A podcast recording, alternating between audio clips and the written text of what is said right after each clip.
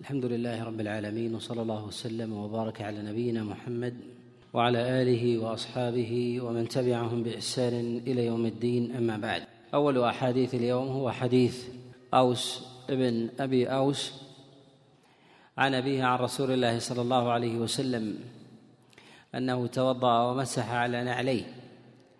هذا الحديث قد رواه الإمام أحمد في كتابه المسند والطبراني في كتابه المعجم الكبير من حديث حماد بن سلمة عن يعلى بن عطاء عن أوس بن أبي أوس عن أبيه عن رسول الله صلى الله عليه وسلم. وقد تابع حمادا عليه شريك كما رواه أحمد أيضا في كتابه المسند. وهذا الحديث معلول بعلل. أول هذه العلل لأن هذا الحديث وقع في إسناده اضطراب تارة يذكر من حديث أوس بن أبي أوس وتارة يذكر من حديث أوس عن أبيه فيكون تارة من مسند أبي أوس وتارة من مسند أوس وهو ابنه. ووقع فيه اضطراب آخر أيضا أن هذا الحديث جاء من حديث يعلى بن عطاء العامري تارة يروى عن أبيه وتارة يرويه يعلى بن عطاء عن أوس. وقد اختلف في هذا الحديث في الترجيح بين الوجهين. هل هو من حديث يعلى بن عطاء عن أبيه أو من حديث يعلى ابن عطاء عن أوس؟ وهذا مما وقع فيه الاضطراب. وقد أعله غير واحد من الحفاظ بالاضطراب في الإسناد. والإسناد لو قلنا بأنه جاء بالوجهين وهذا القول ضعيف فإن الحديث منكر والإسناد ضعيف. وذلك أن الإسناد إذا قلنا أن يعلى بن عطاء يرويه يرويه عن أبيه فأبوه لا يعرف. وإذا قلنا أنه لا يرويه عن أبيه وإنما يرويه عن أوس فيعلى لم يسمعه من أوس. كما نص على ذلك غير واحد من الحفاظ بل قيل إنه لم يدركه أصلا. وعلى هذا نعلم أن الحديث ضعيف على الوجهين. كذلك فإن هذا الحديث في نكارة متره أنه ذكر أن رسول الله صلى الله عليه وسلم مسح على نعليه. ويظهر من هذا الحديث أنه لم يكن عليه لم يكن على رسول الله صلى الله عليه وسلم غير النعلين شيء لا من خف ولا غيره. وهذا مخالف لكثير من الأحاديث الواردة عن رسول الله صلى الله عليه وسلم في التشديد بأهمية الإنقاء وكذلك بالنهي عن ترك الأعقاب والتشديد في ذلك وكذلك النهي عن ترك ولو لمعة وقد تقدم معنا الإشارة إلى شيء من هذا. ومعلوم أن المسح على النعلين يفوت شيئا ظاهرا وأكثر القدم يظهر في النعال.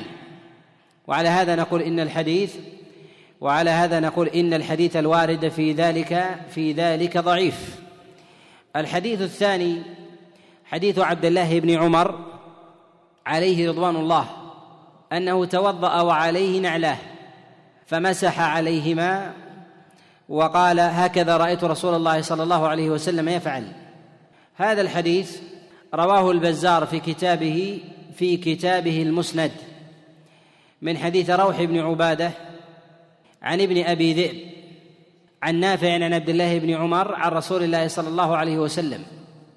وهذا الحديث قد تبع عليه روح في روايته عن ابن أبي ذئب رواه ابن أبي فديك عن ابن أبي ذئب عن نافع عن عبد الله بن عمر.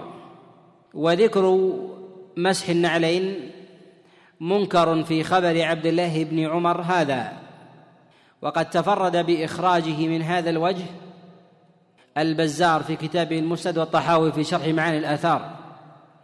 والبزار لا يخرج في كتابه المسند مما يتفرد به إلا ما كان غريبا من جهة الإسناد ومنكرا من جهة المتن في الأغلب. ولهذا قد أعله أعله البزار في كتابه المسند فقال لم يروه لم يروه عن ابن أبي ذئب إلا روح. وروح قد توبع عليه على الصحيح كما رواه الطحاوي في شرح معاني الآثار من حديث ابن أبي فديك عن ابن أبي ذئب بهذا الحديث. وإنما قلنا بنكارة هذا الحديث وعدم ثبوته مع كون رواة الخبر في ظاهرهم ثقات إلا أننا نقول بنكارة هذا الحديث من وجوه عدة. أولها أن حديث عبد الله بن عمر في ذكره وضوء رسول الله صلى الله عليه وسلم أصله في الصحيح. اصله أصله في الصحيح.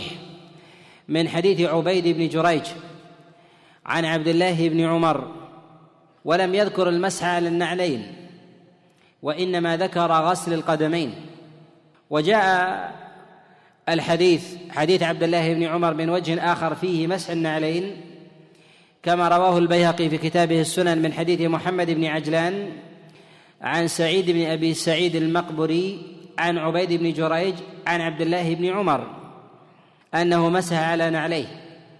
وهذه الزيادة في المسح على النعلين في حديث عبد الله بن عمر منكرة فقد رواه الإمام مالك عن سعيد بن أبي سعيد المقبري عن عبيد بن جريج عن عبد الله بن عمر ولم يذكر المسح على النعلين وإنما ذكر غسل القدمين.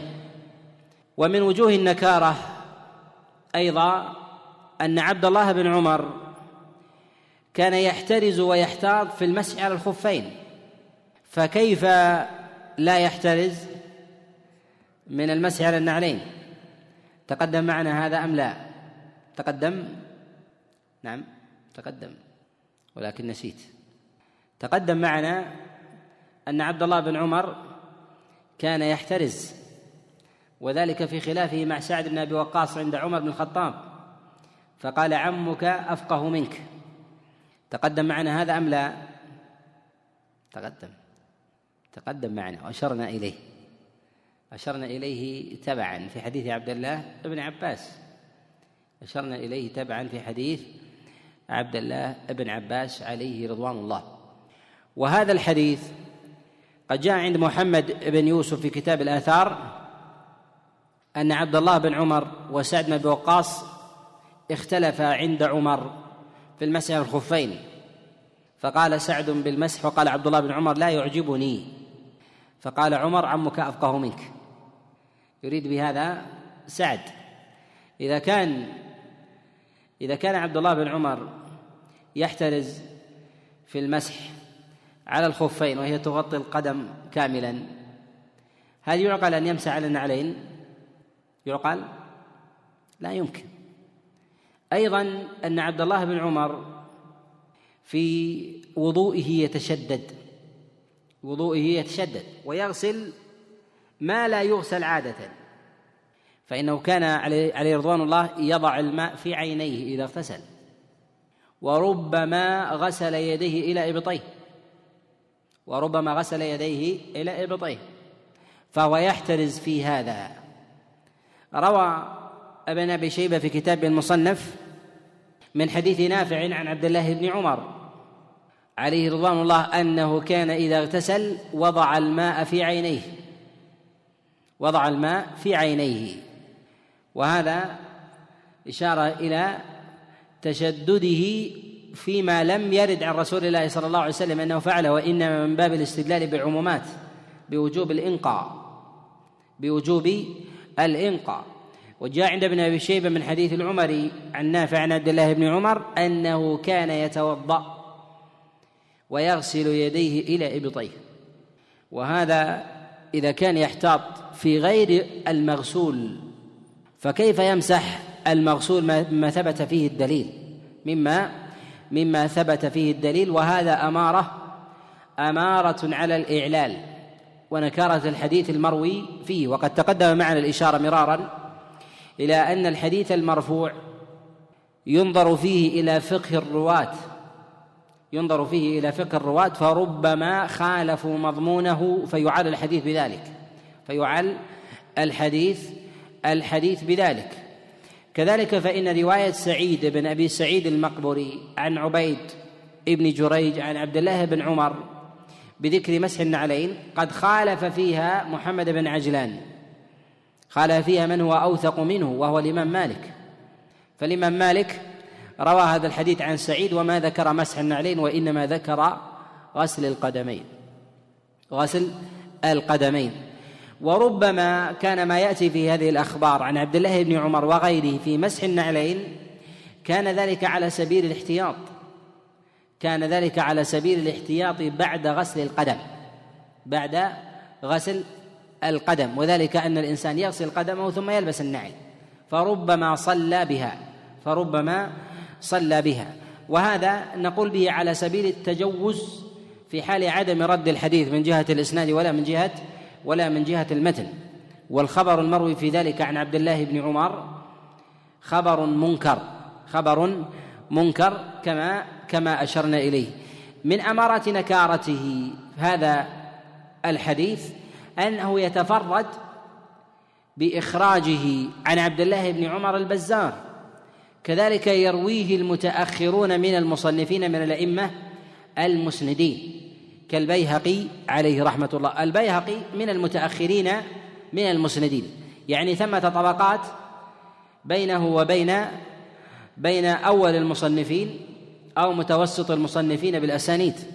فبينه فهو يروي ويحدث عن الحاكم والحاكم يحدث عن الحاكم وربما يحدث عن سعدان بن نصر ويحدث أيضا بالأسانيد وبينه وبين الكتب الستة.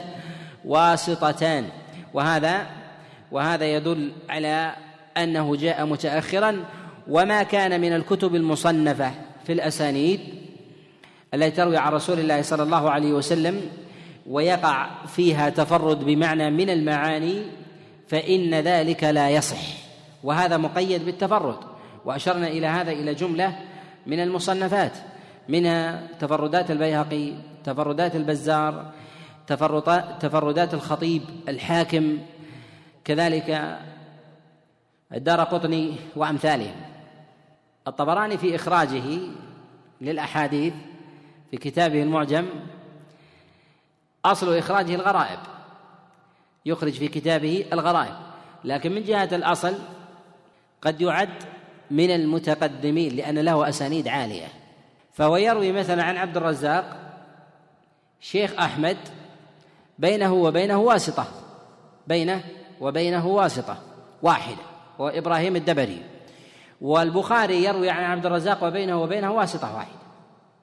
وهذا يدل على أن لديه أسانيد عالية. لديه أسانيد أسانيد عالية. وإنما نقول بذلك أن الأئمة الأوائل الذين صنفوا جابوا البلدان وأوردوا الأصول من الأحاديث. أوردوا الأصول من الأحاديث. من قرائن الإعلال أن أعلم الناس أعلم الناس بالمروي عن عبد الله بن عمر وفقه مالك ممن وجد في هذه الأسانيد. ومالك إذا لم يروي هذا اللفظ مع كون غير الإمام مالك رواه دليل على أن الإمام مالك لا يحفظه عن عبد الله بن عمر وإلا لضبطه فهو ممن يعتني بفقه عبد الله بن عمر أكثر من غيره. وقد خالفه في ذلك محمد بن عجلان وهو دونه بمراحل وهو دونه بمراحل. لهذا وجدنا في الإسناد مالك بن أنس والحديث المروي عن عبد الله بن عمر. على هذا نمسك بحديث مالك بن أنس وندع غيره فيكون حينئذ أضبط الألفاظ التي تروى عن عبد الله بن عمر في الأحاديث هي ما جاء عن مالك ابن أنس وأضرابه ممن يعتنون بالحديث المروي المروي عن عبد الله ابن عمر سواء كان ذلك موقوفا أو كان ذلك مرفوعا. والامام مالك يأخذ بقول عبد الله بن عمر الموقوف. فكيف إذا كان عن عبد الله بن عمر مرفوعا؟ فهو أولى فهو أولى بالأخذ والضبط والضبط عنده. الحديث الثالث في هذا حديث حذيفة ابن اليمان عليه رضوان الله أن رسول الله صلى الله عليه وسلم أتى سباطة قوم فبال قائما فتوضأ ومسح على نعليه ومسح على نعليه. هذا الحديث رواه ابن جرير الطبري في كتابه التفسير من حديث جرير بن حازم عن الأعمش عن أبي وائل عن حذيفة عن رسول الله صلى الله عليه وسلم. وقد تفرد بهذه اللفظة عن الأعمش جرير. والحفاظ من أصحاب الأعمش يذكرون الحديث ويذكرون أن رسول الله صلى الله عليه وسلم توضأ. تارة وتارة يقولون توضأ وغسل. توضأ ومسح على خفيه. إذا فذكر النعلين في حديث حذيفة من المفاريد التي يتفرد فيها فيها جرير. وخالفه سائر أصحاب الأعمش. رواه عن الأعمش جماعة. كثر. لم يذكرون لم يذكرون النعلين فيه. رواه أبو معاوية وأبو خيثمة وهشيم وغيرهم يروونه عن الأعمش عن أبي وائل عن حذيفة. وليس فيه ذكر النعلين. وذكر النعلين منكر. ومن وجوه النكارة أيضا أن حديث حذيفة بن اليمان أخرجه البخاري ومسلم. من هذا الطريق من حديث الأعمش عن أبي وائل عن حذيفة. ومع ذلك لم ومع ذلك لم يذكر هذه اللفظة. وتقدم معنا الإشارة إلى أن ما أخرجه البخاري ومسلم ما أخرجه البخاري ومسلم من الأحاديث وكان فيه زيادة في خارج الصحيح لها صلة بالحكم. أن هذه الزيادة غير محفوظة. أن هذه الزيادة الزيادة غير محفوظة وهي مردودة. وهذه الزيادة لها صلة في الحكم وهي المسألة النعلين وهي متعلقة في أبواب الطهارة. ولو كانت هذه المسألة خارج أبواب الطهارة وأخرج البخاري ومسلم الحديث في الطهارة ولم يريده في ذلك الباب الذي فيه الزيادة لأمكن القول بالنظر فيها على سبيل الاستقلال ولم يقحم البخاري ومسلم بالإعلان ولم يقحم البخاري ومسلم بالإعلان وأيضا أن البخاري ومسلم لم يوردا في المسح على النعلين شيء ولو أورد في باب المسح على النعلين شيء عن رسول الله صلى الله عليه وسلم وترك هذه الزيادة لأمكن القول بها لأنهما قد رويا من الأحاديث ما يعضد تلك الزيادة. ما يعضد تلك الزيادة ولا عاضد لها عندهم ولا عاضد لها لها عندهم. وعلى هذا نقول إن هذه الزيادة زيادة منكرة. إن هذه الزيادة زيادة منكرة. ومن وجوه النكارة أيضا أن الذي تفرد بها جرير أن الذي تفرد بها جرير وطبقته متأخرة مع ثقته وفضله مع ثقته وفضله. وثمة قرينة عند العلماء في زيادات الثقات أنه كلما تأخر زمن الراوي الذي زاد هذه الزيادة زاد احتمال خطئه. زاد احتمال احتمال الخطأ. وذلك أن الراوي إذا تأخر دليل على أن هذه الرواية مرت على رواة كثر فلم ينقلوها. وكلما زاد العدد في الإسناد زاد احتمال الضعف في الزيادة. وذلك أن الزيادة إذا قلنا أن الحديث قد جاء من راوي إلى راوي فكان فيه ثلاثة ولم تأتي هذه الزيادة في طبقة الثلاثة كلهم هذا إشارة إلى أن هؤلاء لم تمر عليهم لم تمر عليهم ولو مرت عليهم لنقلها ولو واحد منهم ولو واحد منهم. وكلما تقدم طبقة الراوي الذي يروي الحديث الذي يروي الحديث عن رسول الله صلى الله عليه وسلم قبلت روايته. لهذا نقول إن طبقة التابعين أقوى من طبقة أتباع التابعين من جهة قبول الرواية. وطبقة التابعين الأولى أقوى من طبقة التابعين الثانية والثالثة و وهكذا. أقوى من ممن جاء ممن جاء بعدهم. ونستطيع أن نقول إن الراوي كلما تأخر تحمل الخطأ ايا كان. تحمل الخطأ في الأغلب ايا كان ولو ساواه غيره من جهة الثقة والحفظ.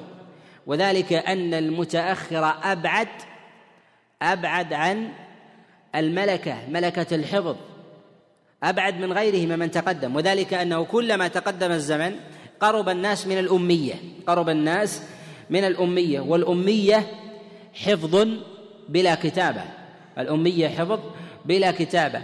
وكلما تأخر الزمن اعتمدوا على الحفظ اعتمدوا على الكتابة وقل الحفظ. اعتمدوا على الكتابة وقل الحفظ. ولهذا العرب لما كانوا لا يكتبون كانوا أحفظ الناس. أحفظ الناس يحفظون الأشعار والروايات ولما كتبوا ضاعت المحفوظات. ولهذا ولهذا من أراد أن يحفظ فليكسر القلم. يكسر القلم. لأن القلم هو الذي يضيع الإنسان ويعتمد على ويعتمد على عليه يعتمد عليه. فإذا مرس ذهنه بالذاكرة استطاع الإنسان أن يضبط ما لا يضبطه ما لا يضبطه غيره. لهذا نقول أنه كلما تأخر الزمن زمن الرواية أشرنا إلى الضعف. أما المتأخرون إذا كان هؤلاء في بينهم وبين النبي ثلاثة واتهمناهم بقلة الحفظ لتأخر زمنهم مثلا فما نقول في من كان في القرون المتأخرة؟ لا شك أنهم أقرب أقرب إلى إلى الوهم أقرب إلى إلى الوهم. ومن علامات النكارة أيضا أن المسح على النعلين أن المسح على النعلين مما تعم به البلوى. لو وجد أيهما أكثر يلبس الناس النعلين أو الخفاف؟ النعلين. ومع ذلك جاءت الأحاديث بالمسح على الخفاف أكثر وأشهر. أكثر وأشهر والمسح على النعلين جلها معلولة. جلها أو كلها معلولة عن رسول الله صلى الله عليه وسلم.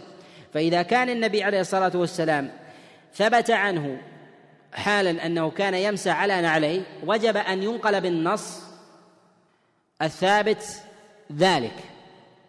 الثابت ذلك وذلك أن النبي عليه الصلاة والسلام وأصحابه ينتعلون أكثر من من لبس الخفاف. بل النبي صلى الله عليه وسلم يقول كما في صحيح الإمام مسلم استكثروا من النعال فإن الرجل لا يزال راكبا من تعل ولهذا نقول إن لبس النعال سنة. لبس النعال سنة. بخلاف لبس الخفاف. خفاف يلبسه الإنسان حاجة فتكون حينئذ حاجة. فإذا كان النبي صلى الله عليه وسلم يلبس النعال ولم يثبت عنه من وجه صحيح أنه مسح. هذا دليل على عدم وجودها على عدم وجود ذلك وأن الروايات في ذلك غلط ووهم. وأن القاعدة في ذلك لدينا أنه أن الشريعة تتدرج بحسب عموم البلوى وحاجة الناس. فما كان فيه حاجة وجب أن يثبت النص به أقوى. وهكذا.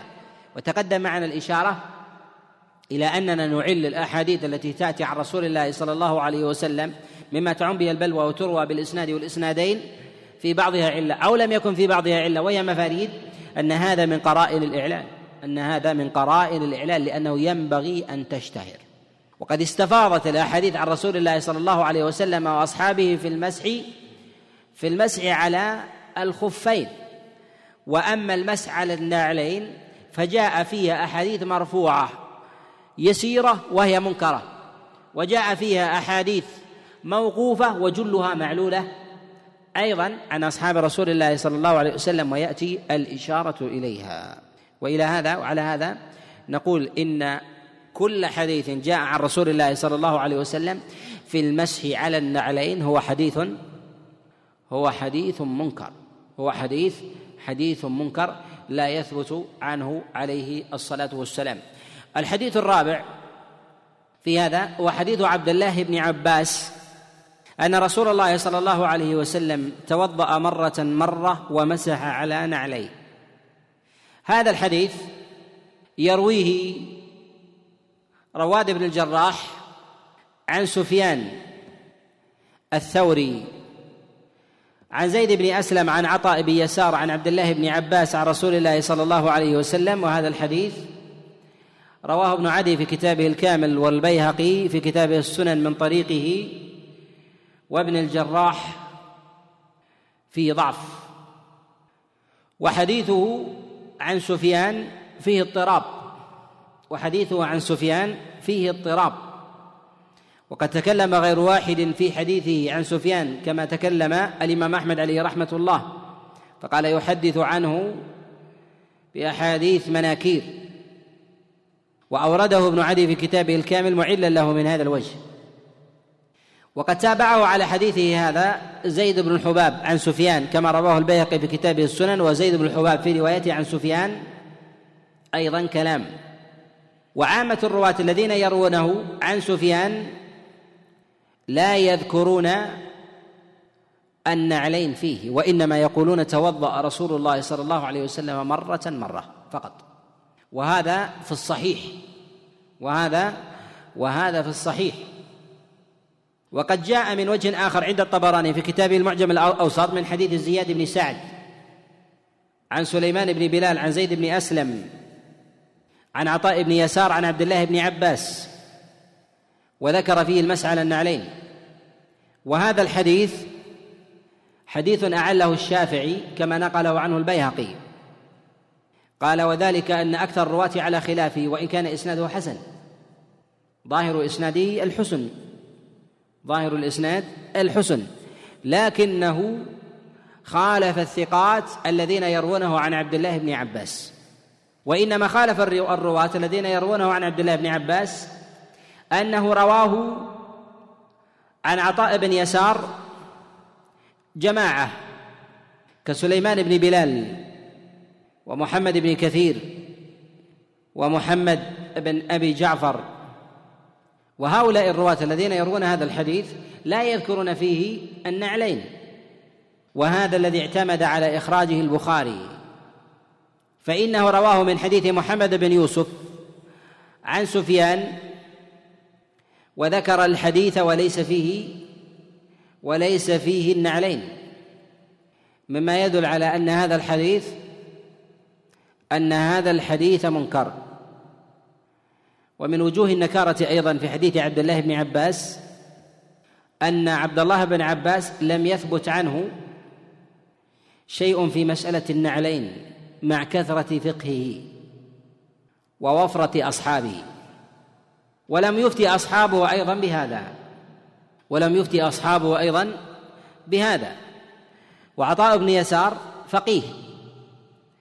وزيد بن أسلم فقيه. ومع ذلك هذه المسألة مع الحاجة إليها لم يفتوا بها.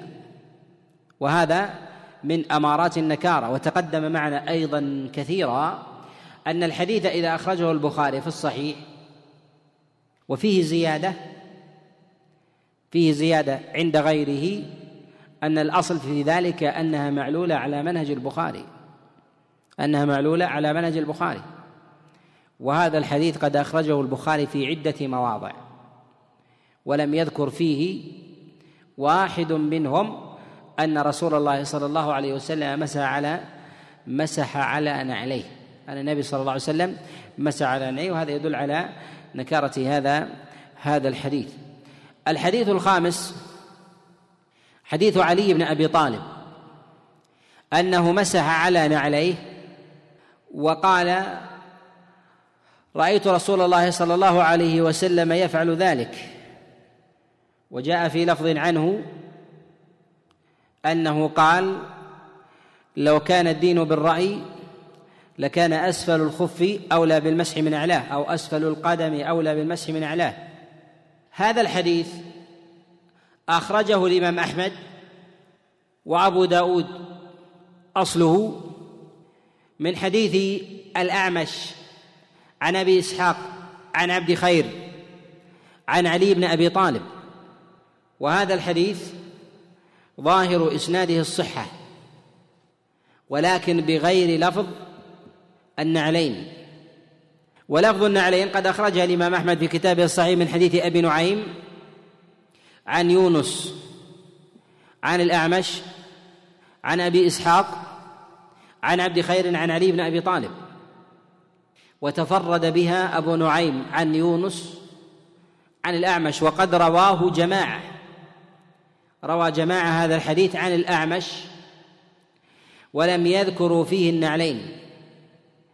ويظهر والله أعلم أن هذا الحديث وغيره ممن كان ظاهر إسناده الصحة في المسح على النعلين أن الرواة يتجوزون بذكر النعل ويريدون بذلك الخف. ويريدون بذلك بذلك الخف. وهذا مما يجعل بعض الرواة يتساهل في نقل الأحاديث عن رسول الله صلى الله عليه وسلم على المعنيين باعتبار أن الخف ينعل ويلبس. فيتجوزون بذكره. وإلا في الأصل فانهم فإنهم لا يمسحون على النعلين. وإذا أردنا أن ننظر إلى المروي عن علي بن أبي طالب وجدنا أنه صح عن علي بن أبي طالب أنه مسح على نعليه موقوفا. كما جاء عند ابن أبي شيبة والبيهقي من حديث أبي ظبيان عن علي بن أبي طالب أنه مسح على نعليه. وإسناده عنه صحيح. وهذا هل يؤيد المرفوع؟ أم لا؟ نقول الأصل أنه يؤيد المرفوع. الأصل أنه يؤيد المرفوع. لو لم يكن المرفوع مما تعم به البلوى ويحتاج إليه. وإذا كانت أو كان ما في الحديث ما تعم به البلوى لا يعضده قول الصحابي ويكون من الفتيا التي يجتهد بها الراوي. ولهذا صح الموقوف عن علي وما صح المرفوع وأولى أن يحمل المرفوع عن علي أكثر من الموقوف وأن يصح إسناده عنه. ولعل أيضا من وجوه النكارة في هذا أن علي بن أبي طالب له أصحاب كثر يروون عنه فقهه خاصة أهل الكوفة. يروون فقه علي بن أبي طالب. ومع هذا فإنهم لا يقولون بذلك. لا يقولون بذلك في المعروف عنهم والمشهور. ومما يعضد أيضا نكارة ذلك أن هذا مع الحاجة إليه لم يثبت عن أحد من الخلفاء الراشدين وما جاء عن علي بن أبي طالب فلعل المراد بذلك لعل المراد بذلك الخف. وهذه المسألة في مسألة المسح على النعلين للعلماء فيها مذاهب للعلماء فيها مذاهب. عامة العلماء على عدم الترخيص بل حكى بعضهم الاتفاق حكى بعضهم الاتفاق كما حكاه ابن تيمية وغيره ويحملون ما ثبت في ذلك في المسح على النعلين على أحوال منها أنهم يقولون ان ما جاء عن رسول الله صلى الله عليه وسلم أو عن بعض أصحابه أنه مسحوا على النعلين فهذا في الطهور غير الفرض. في الطهور غير الفرض. معنى غير الفرض ما يسمى بالتجدد أو التجديد في الوضوء. يكون عليه وضوء ويتوضأ وضوءا على وضوء.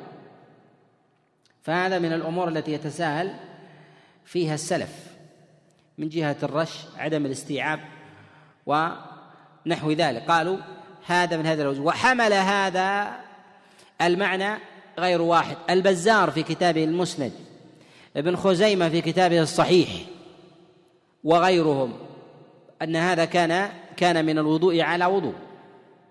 ومنهم من حمل ذلك على النعال التي تشد شدا. النعال التي تشد شدا فتحتاج إلى النزع باليد. أو الرجل. قالوا إذا كان كذلك فهي مشقة.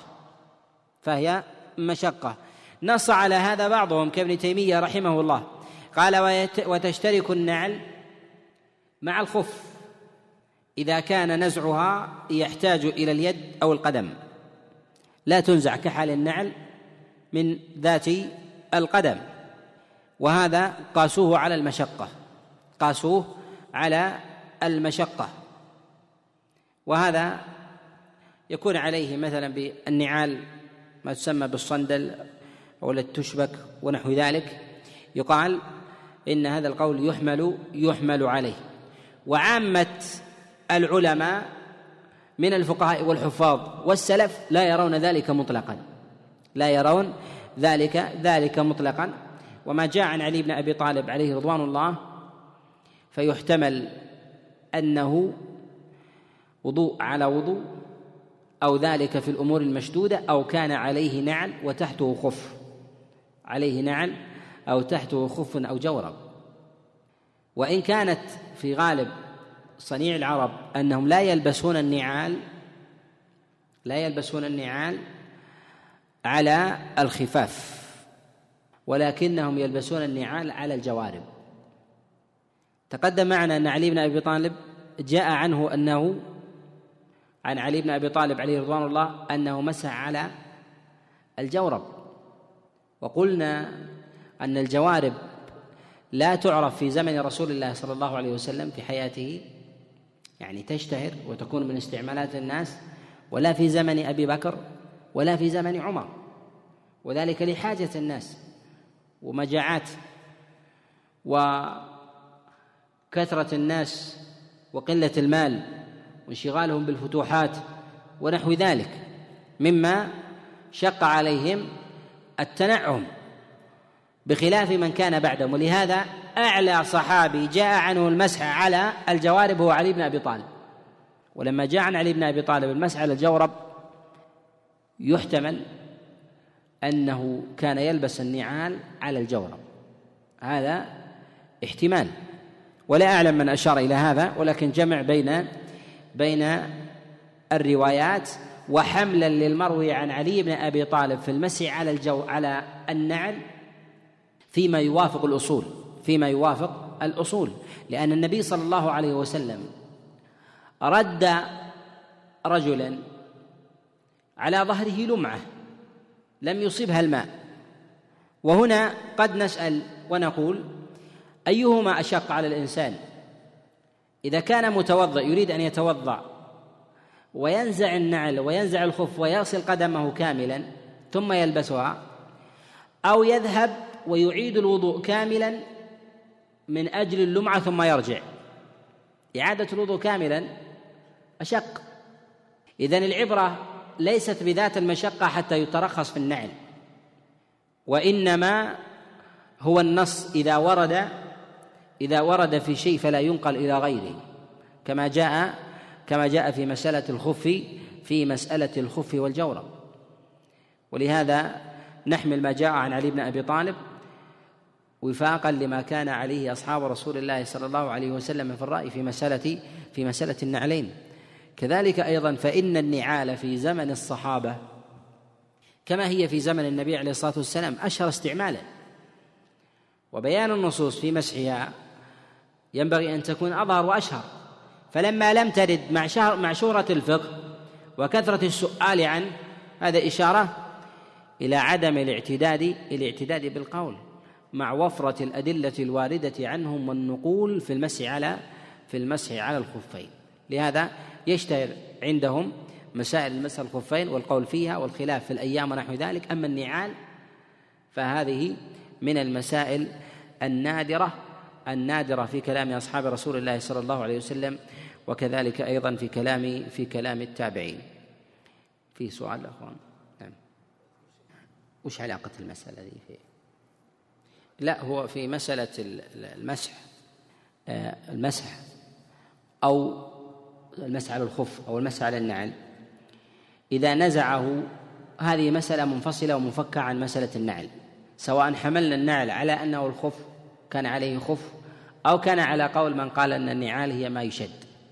هذه نزع الخف هي تابعة لمسألة نزع الخف بعد الوضوء. هل ينقض الوضوء أم لا؟ والصواب أنه أنه لا ينقضه لا لا ينقضه وإلا للزم للزم أن الإنسان إذا توضأ ومسح على رأسه ثم ذهب إلى الحلاق أن يعيد أن يعيد الوضوء.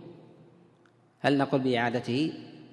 لا نعم قصدك في باب النزع؟ لا في مسألة النزع لا نقول لا نقول بالنقض. في مسألة نزع الخف بعد مسحه لا نقول لا نقول بالنقض. لأن نزع الخف لم يرد نص عن رسول الله صلى الله عليه وسلم أنه من نواقض الوضوء من نواقض الوضوء. وإلا للزم من هذا أن ما غسل من الجسد ثم زال منه أن نقول بانتقاضه من أشهر ما يزول من الإنسان الأظفار. يغسلها ثم يقص ثم ثم يقص. وربما تصل من الإنسان الأظفار زيادة كحال اللمعة من القدم. اللمعة شيء يسير.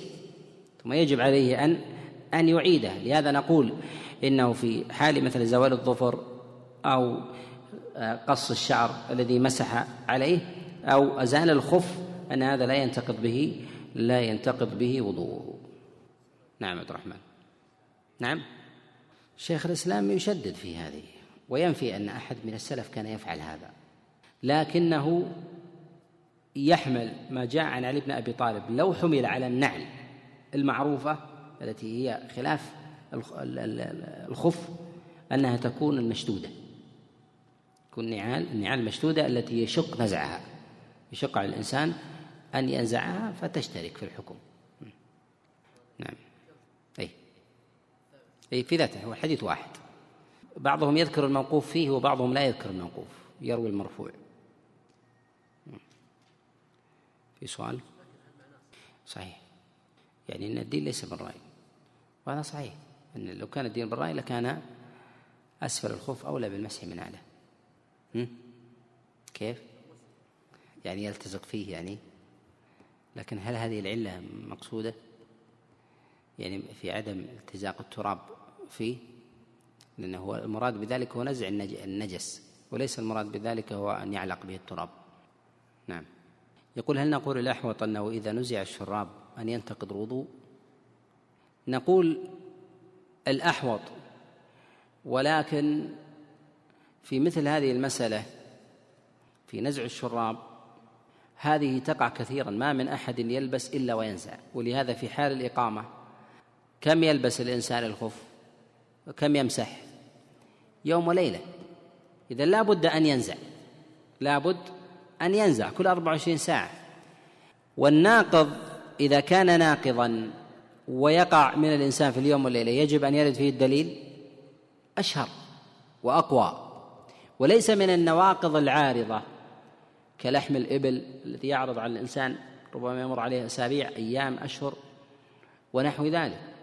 لهذا نقول أنه ينبغي لو جاء عن النبي صلى الله عليه وسلم لا ينبغي أن يثبت به النص أقوى لأنه يقع ويحدث من الناس كثيرا وأوفر من غيره. فلما لم يرد ضعف جانب الاحتياط في هذه المسألة.